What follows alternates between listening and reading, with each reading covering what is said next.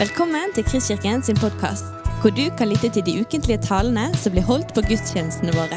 Vi håper denne podkasten vil inspirere og utfordre deg til å kjenne Gud, elske mennesker og tjene vår verden.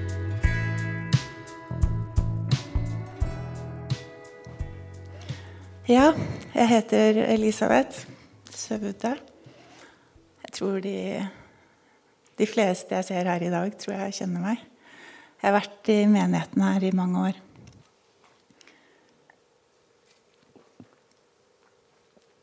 Eh, Thomas spurte hvordan vi hadde hatt det i sommer. Jeg skal faktisk eh, gå tilbake til forrige sommeren, i fjor, og fortelle litt fra en konsert jeg var på. Jeg var på en konsert med en eh, kristen artist som ja, han skriver egne låter. Fine viser egentlig om mye forskjellig i livet, og, og også om hvordan Gud møter oss i hverdagen. Og han sang det, sine egne låter, og så sang han litt kjente gospelsanger. Og så sang han salmer. Og så fortalte han oss at eh, Ja, jeg må si konserten jeg var på, den var på en eh, bibelcamping. Men han fortalte oss at han også hadde vært på eh, pub og hatt konsert noen ganger. Og at han i fjor vår, altså før sommeren, så hadde han starta med noe han kalte for eh, salmer på pub. Og så Har dere hørt om det? Noen som har hørt om det? Salmer på pub? Ja, det er noen som nikker. I hvert fall så fortalte han da at de, de tok fram salmeboka, og så spilte de der på puben, og så sang folk med. Og så ble mennesker møtt av Gud. Og da han fortalte det her, så, så ble jeg veldig rørt. Og så kjente jeg Oi. Det her tror jeg Det her tror jeg er Guds idé, tenkte jeg. At det liksom var ut blant folk. Og så eh, det her, da, det har de fortsatt med. Kanskje noen har hørt om det nå seinere, fordi de har hatt det flere ganger i løpet av året. Og det begynner å ta helt av. Det er utsolgt hver gang de annonserer eh, på Herr Nilsen i Oslo at det er salmer på puben, så blir alle billettene utsolgt. Og nå skal de begynne å eh, ha det litt andre steder i landet òg. Kanskje. Kanskje i Bergen òg. Jeg vet ikke. Men eh, publikum da, på de her konsertene, det er jo en salig blanding, kan man si. Mange generasjoner og folk med ulik livserfaring, ulik bakgrunn, ulike livssyn, ulik religion. Og så får de høre disse salmene som forkynner så mektig om Gud. Det er ikke så mange av de som er der, som man møter igjen søndag formiddag i kirken. En brøkdel. Hvorfor forteller jeg det her nå? Det er jo fordi at i dagens tekst så er Jesus på fest. Han er på fest med tollere og syndere, står det. Folka på den festen var nok heller ikke de mest aktive i synagogen, som var eh, jødenes forsamlingslokale. Det er ikke sikkert det var de som gikk oftest til tempelet heller. Vi skal lese dagens tekst. Fra Lukas kapittel 5, vers 27 til 32. Se. Nå. Der.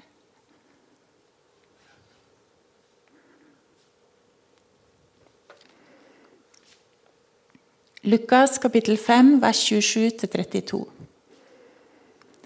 Deretter gikk Jesus ut. Da fikk han se en toller som het Levi. Han satt på tollboden. Jesus sa til ham, 'Følg meg.' Og han reiste seg, forlot alt og fulgte ham. Levi holdt et stort selskap for ham hjemme hos seg, og en hel del tollere og andre var sammen med dem til bords. Fariseerne og de skriftlærde blant dem murret og sa til disiplene.: Hvorfor spiser og drikker dere sammen med tollere og syndere? Men Jesus svarte dem. Det er ikke de friske som trenger lege, men de syke. Jeg er ikke kommet for å kalle rettferdige, men syndere til omvendelse. Det var teksten. Så her eh, møter vi da en toller som het Levi, midt i hverdagen, sånn som Thomas sa. Han satt der på tollboden sin. Han hadde nok hørt om Jesus før og sett kanskje Jesus. Og han hadde kanskje tatt, eh, krevd inn eh, skatter fra Peter og Andreas og Jakob og Johannes, de fiskerne som gikk sammen med Jesus. Nå Så hva vet vi da om Levi? Hvem var han? Så Han var jo en toller, og den samme historien den leser vi både i Markusevangeliet og i Matteusevangeliet.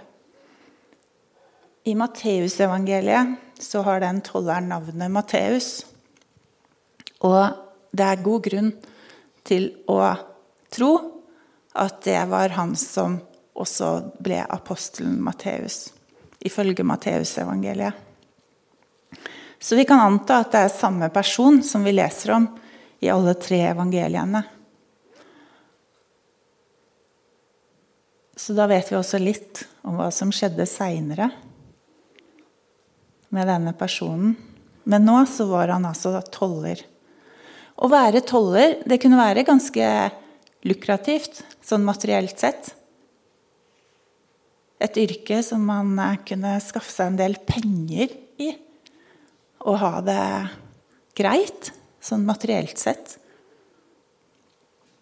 Sosialt sett så var det ikke ansett som like bra å være toller.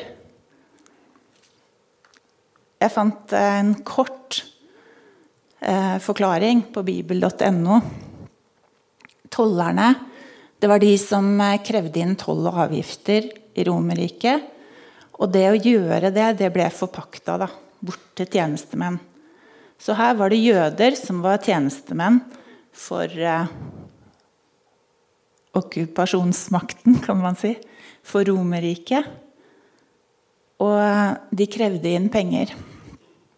Og de hadde en sum de måtte få inn, og så var de ofte frista til å ta, kreve inn mer for å være sikker på at de gikk i pluss. For det var jo det som var mer enn det de måtte betale videre, som ble deres inntekt. Og jøder som påtok seg den slags arbeid, de ble regna som urene. Det står ringeakta alle sine landsmenn sidestilt med åpenbare syndere. De var på en måte ikke medregna som ekte jøder lenger. De var litt utafor. De, de hadde svikta folket sitt litt og ble sett ned på. Lukas evangeliet det får tydelig frem at Jesus han han var sammen med de folka. Han var sammen med tollere. Og det står at han var sammen med syndere.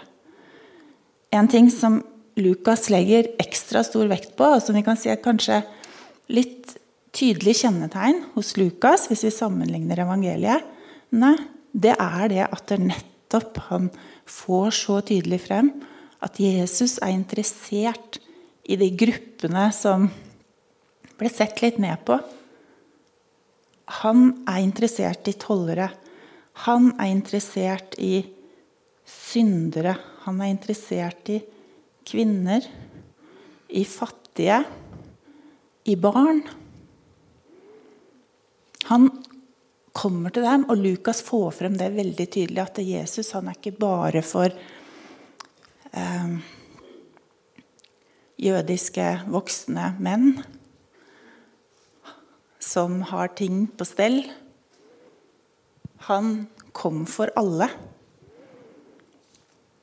Et nøkkelvers i Lukas evangeliet som på en måte summerer opp det her litt, hvis man skal velge ut ett. Det kan være Lukas 19, vers 10. For menneskesønnen er kommet for å lete etter de bortkomne og berge dem. Eller så også menneskesønnen er kommet for å oppsøke det som var fortapt, og frelse det. Det verset i kapittel 19 det står i sammenheng med historien om en annen toller. En toller som dere sikkert har hørt om mange ganger. Sakkeus. Sakkeus han blir beskrevet her også som en som eh, Jesus dro hjem til. Og et sted der det ble samla mange, og Jesus møtte dem. Jesus møtte tollere og syndere, og fariseerne murra. Fremdeles i kapittel 19. Så det var ikke bare der i begynnelsen på Jesus sin tjeneste at det skjedde. Det fortsatte. Det gjentok seg mange ganger. Når vi leser om Sakkeus, så står han faktisk litt i kontrast til den rike mannen som beskrives i kapittel 18. Han som eh, sa at han hadde gjort alt riktig, han hadde fulgt alle budene. Spurte, han spurte hva han skulle gjøre for å arve evig liv. Sa Jesus alle ja, du skal følge budene sånn og sånn. sånn. Det har jeg gjort. Så Jesus ja, selg alt du eier. Nei, det kunne han ikke. Men Sakkeus han sa hvis jeg har tatt for mye av noen, så skal jeg gi firedobbelt tilbake. Så det var en litt annen respons.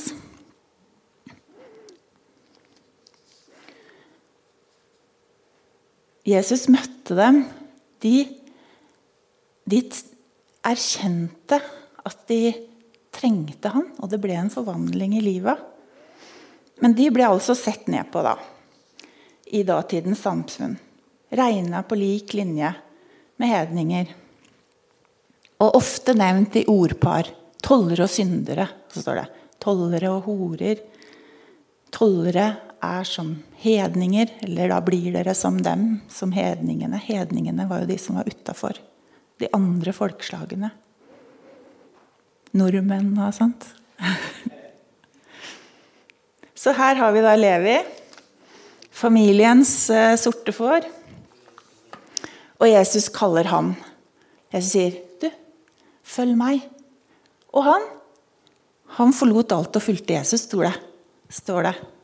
Respons med en gang. Så han fulgte etter Jesus. Altså, han begynte å gå.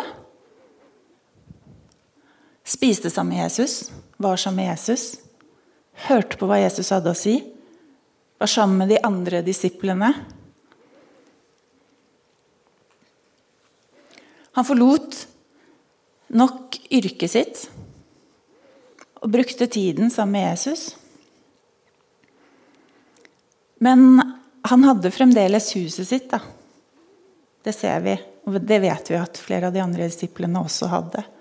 Så inviterte han til fest i huset sitt. Han ville dele. Han ville dele Jesus med vennene sine. Han ville at de skulle få møte Jesus. Og uh, ifølge Lukas da, så besto den gjøstelisten av tollere og andre, skriver Lukas. Noen uh, fariseere de tenkte at de fleste av de andre da var syndere. De murret. De sa Hvorfor spiser og drikker dere sammen med tollere og syndere? At Jesus gjorde det, og at disiplene var med på det, det ble ikke ansett som noe bra i de religiøse sine øyne. Det ble ansett som ureint. Tollerne de har vi jo forstått at var utafor, og her er det noen som da blir kalt syndere. Hvilke synder de hadde gjort, det vet vi ikke.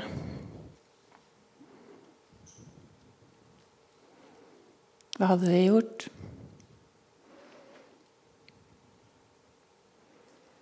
Kanskje noe som alle visste om. Siden de hadde fått eh, passet påskrevet og var utenfor det gode selskap. Kanskje noe som var litt sånn synlig. Noe som eh, ble ansett som litt verre enn det folk flest gjør. Det er litt sånn eh, nå for tida òg, er det ikke det? Noen som man snakker om. Har du hørt Har dere? Har dere hørt noen som sier sånn? Har du hørt hva han har gjort? Har du hørt hva hun har gjort? Da er det kanskje ikke at de kjørte litt for fort, sånn som de fleste gjør. Eller at de er litt for glad i penger. Men de hadde havna i den kategorien synderne. En sånn gradering av synd. De var tydeligvis litt ekstra syndige. mm. De var utafor. En ting vi også møter litt her, det er jo den selvrettferdigheten. Det at man eh, tenker ok Fariseerne, her var de, de var de rettferdige, mens de andre var de synderne. Sånn kan det jo være litt nå òg. Til alle tider. Så det å besøke syndere, det var da ikke greit. Og det har jo en bakgrunn eh, i Toraen, i Bibelen, at de skulle holde seg reine. Sant? Så det var jo litt den derre redselen for å bli urein. Men Jesus anså tydeligvis ikke det å gå på besøk og være sammen med dem som en synd. Det var nok de ekstra, ekstra beskyttelsesbudene som fariseerne hadde satt opp de hadde mange ekstrabud i tillegg for å være sikker på at de fulgte hele loven. Jesus svarer dem, så vi fortsetter i teksten vår her. Jesus svarer fariseerne. Det er ikke de friske som trenger lege, men de syke. Jeg er ikke kommet for å kalle rettferdige, men syndere til omvendelse. Det svarer Jesus. Jesus var ikke nær redd for å komme nær dem. Han oppsøkte denne gruppa. Han ønska å møte alle med sin kjærlighet, med sin nåde. Sannhet og nåde. Jesus kommer til de som trenger ham. Han vil møte og lege de som har det vondt, sier han her. Det er en barmhjertighet å være lege for de syke. Og eh, han viser jo her også til Guds barmhjertighet for de som trenger han. Og Jesus, han eh, han kan gi fysisk helbredelse. Det vet vi. Men her er det kanskje ikke det det er mest vekt på. Akkurat her. Her handler det om et nytt liv, om legedom for hele mennesket, legedom for sjelen. Om omvendelse, tilgivelse og oppreisning at Jesus har et nytt liv for dem. Vi leste, eller eh, vi hørte teksten tidligere. Salig er den som har fått sine synder tilgitt, ble det lest fra Salme 32. Det nye livet. Hos Jesus kunne de få et nytt liv. Jesus gir mennesker en ny sjanse. Han gir menneskeheten en ny sjanse. Han er kommet for å kalle syndere til omvendelse. Guds kjærlighet til syndere, det er den som gjorde at Jesus kom til jorda. Fordi han, hans kjærlighet er så stor. Gud viser sin kjærlighet ved at Kristus døde for oss mens vi ennå var syndere. Det var ikke sånn eh, Nei, først så må du gjøre sånn og sånn og sånn, og sånn, og her ser jeg ja, her er det noen, noen som har fått det til. Så da kan jeg komme, da kan jeg dø for dem. Nei. Han så nettopp at eh, menneskene ikke får det til sjøl. Og de kan ikke gjøre det sjøl. Selvrettferdighet eller de gode gjerningene, de frelser ingen. Det er Jesus som gjør det. Og det kommer tydelig fram i teksten i dag. At han strekker seg ut, og at han setter ikke kravene først. 'Du må gjøre sånn og sånn og sånn, og så skal jeg komme på besøk'. Han kom der hvor de var. Og det står også i Lukas 15 Det er det kapitlet som har eh, tre lignelser. Det står det er større glede i himmelen over én synder som vender om, enn over 99 rettferdige. Det var den sauen som var kommet bort. Og så er det den mynten som har forsvunnet, som de gleder seg sånn over, hun dama, når hun finner den igjen. Og Da står det at Guds engler gleder seg over en synder som vender om. Og så er det historien om faren og de to sønnene og han ene som reiste bort. Og så kom han tilbake.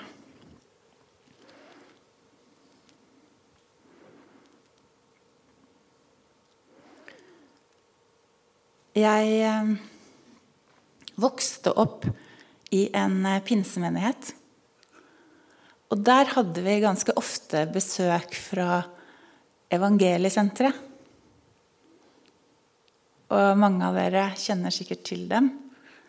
Og så delte de vitnesbyrd. Og da satt jeg der som barn og ungdom, og så hørte jeg de historiene om hvordan folk fortalte at Jesus hadde gitt dem en ny sjanse. Folk som var havna skikkelig på utsida. Utafor, hva skal man si, det gode selskap. Og så hadde de fått møte Jesus. Fått et nytt liv. Og de vitnesbyrdene der, det, det, la en sånn grunnleggende sannhet om Jesus på plass i hjertet mitt, om at Jesus han kan virkelig gjøre alt nytt. Han kan forvandle mennesker. Og at eh, ingen synd er for stor for ham.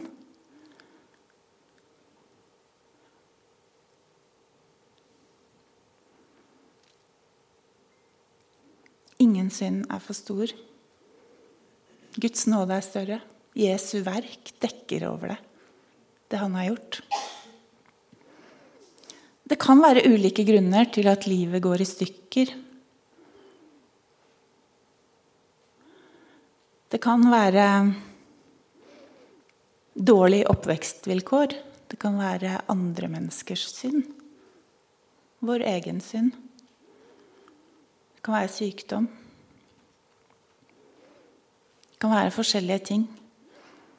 Men Jesus, han kan komme meg inn og møte. Og han kan bringe legedom. Han kan gi en ny start. Vi har lett for å sette folk i bås. Jeg vet ikke. Eller noen av oss har i hvert fall lett for det. At man har et sånt skjema, så tenker man ja, ok, du er sånn og sånn. Du er sånn og sånn. Førsteinntrykk avgjør ganske mye noen ganger. Noen ser vi på som vellykka, andre ikke. Noen vil vi gjerne ha i vår omgangskrets. Andre forsøker vi kanskje å unngå.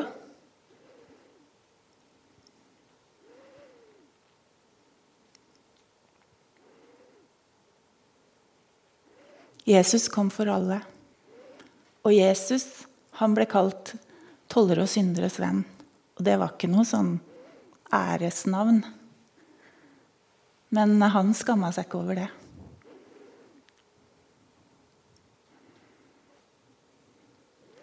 Gud forvandler syndere.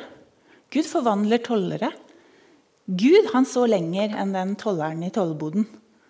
Han så hvor Levi Matteus skulle. Han så at sammen med Jesus så kunne han få et nytt liv. Og han kunne være en som var med å bringe Guds rike ut og forkynne. Han kunne være en som kunne se sammenhenger i Skriftene. Han kunne være en som formidla det videre. Det var en som sa om seg sjøl Jeg er den største synder av alle. Kan hende det er flere som har sagt det. Men eh, det her var da Paulus. Paulus, apostelen Paulus, han sa det om seg sjøl i brevet til Timoteus. Jeg har lyst til at vi skal lese det. Så her er det da en hilsen fra Paulus.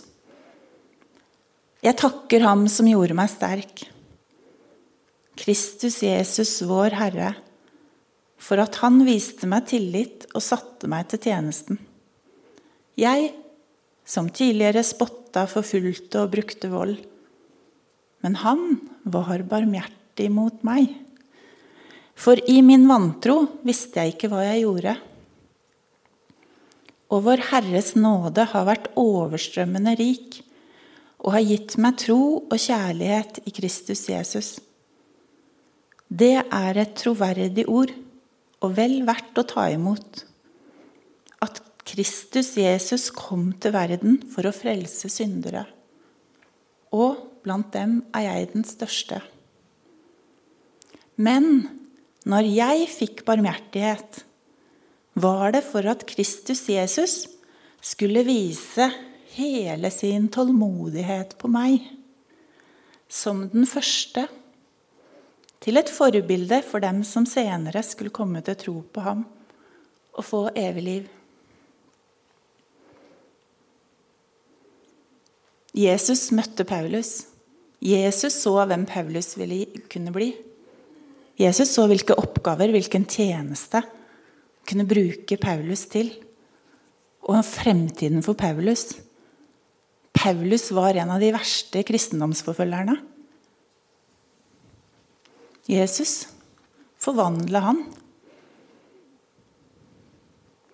Han kan forvandle folk nå òg.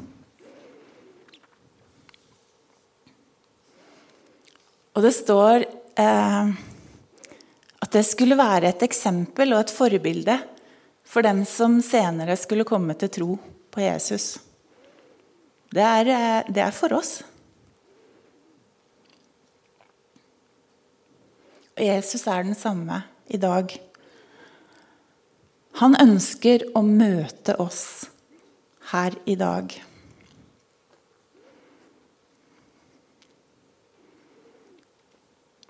Hva sier han til deg?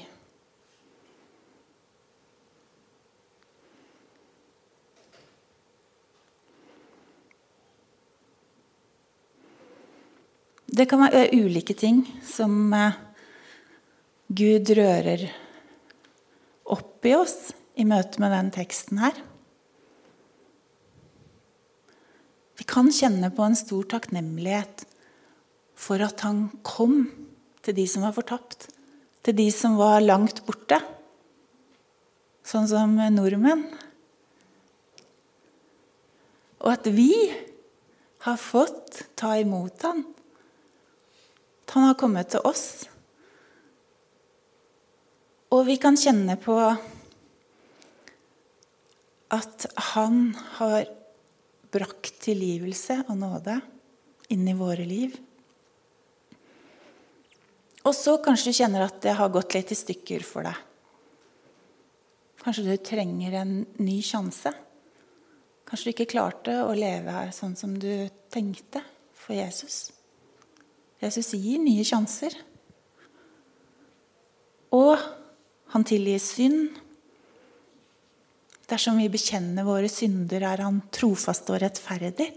Han tilgir oss syndene, han renser oss fra all urett og lar oss gå videre sammen med han. Eller at det var andre ting som gjorde at eh, dine omstendigheter ble så vanskelig. Så kan han komme med legedom. Kanskje han utfordrer deg på å ha tro til at han kan forvandle hans kraft til å forvandle. Ha tro til å be for eh, kristendomsforfølgerne. Ha tro til at eh, det skal skje store ting i landet vårt. At han vil reise opp nye mennesker til tjeneste som kanskje kommer fra en plass vi ikke så for oss.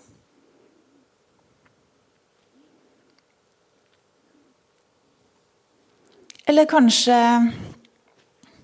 Kanskje han bare minner deg på å utvide gjestelista di litt? Å bruke tid sammen med kirkefremmede. Det er ikke sikkert du skal gå på salmer på pub, selv om jeg har lyst til det. Men kanskje du skal gå til noen andre? Eller invitere noen på besøk? Kanskje ikke være så redd for om det gir deg et dårlig rykte at du henger med de folka heller.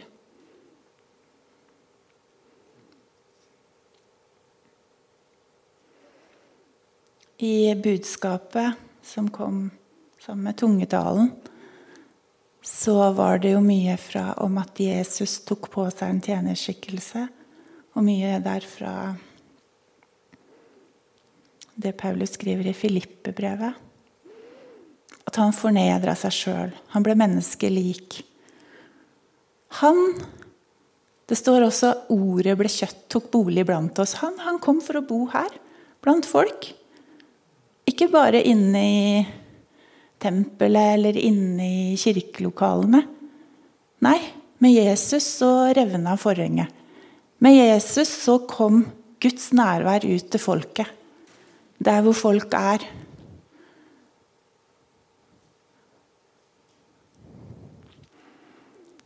Og sammen med det budskapet der om at eh, Jesus, han er opphøyet. Og han kom fra himmelen, og han var villig til å oppgi det han hadde der, for å komme til jorda. Så står det 'vis det samme sinnelag som Jesus Kristus'. Så kanskje det er det vi skal be om. Hjelp oss å vise det samme sinnelaget. Kanskje oppgi noen av våre fine rettigheter. Og være villig til å tjene andre. Du har lyttet til en podkast fra Kristkirken i Bergen. Vi håper du har blitt inspirert og utfordret i din vandring med Gud. Vil du vite mer om oss, så klikk deg inn på kristkirken.no.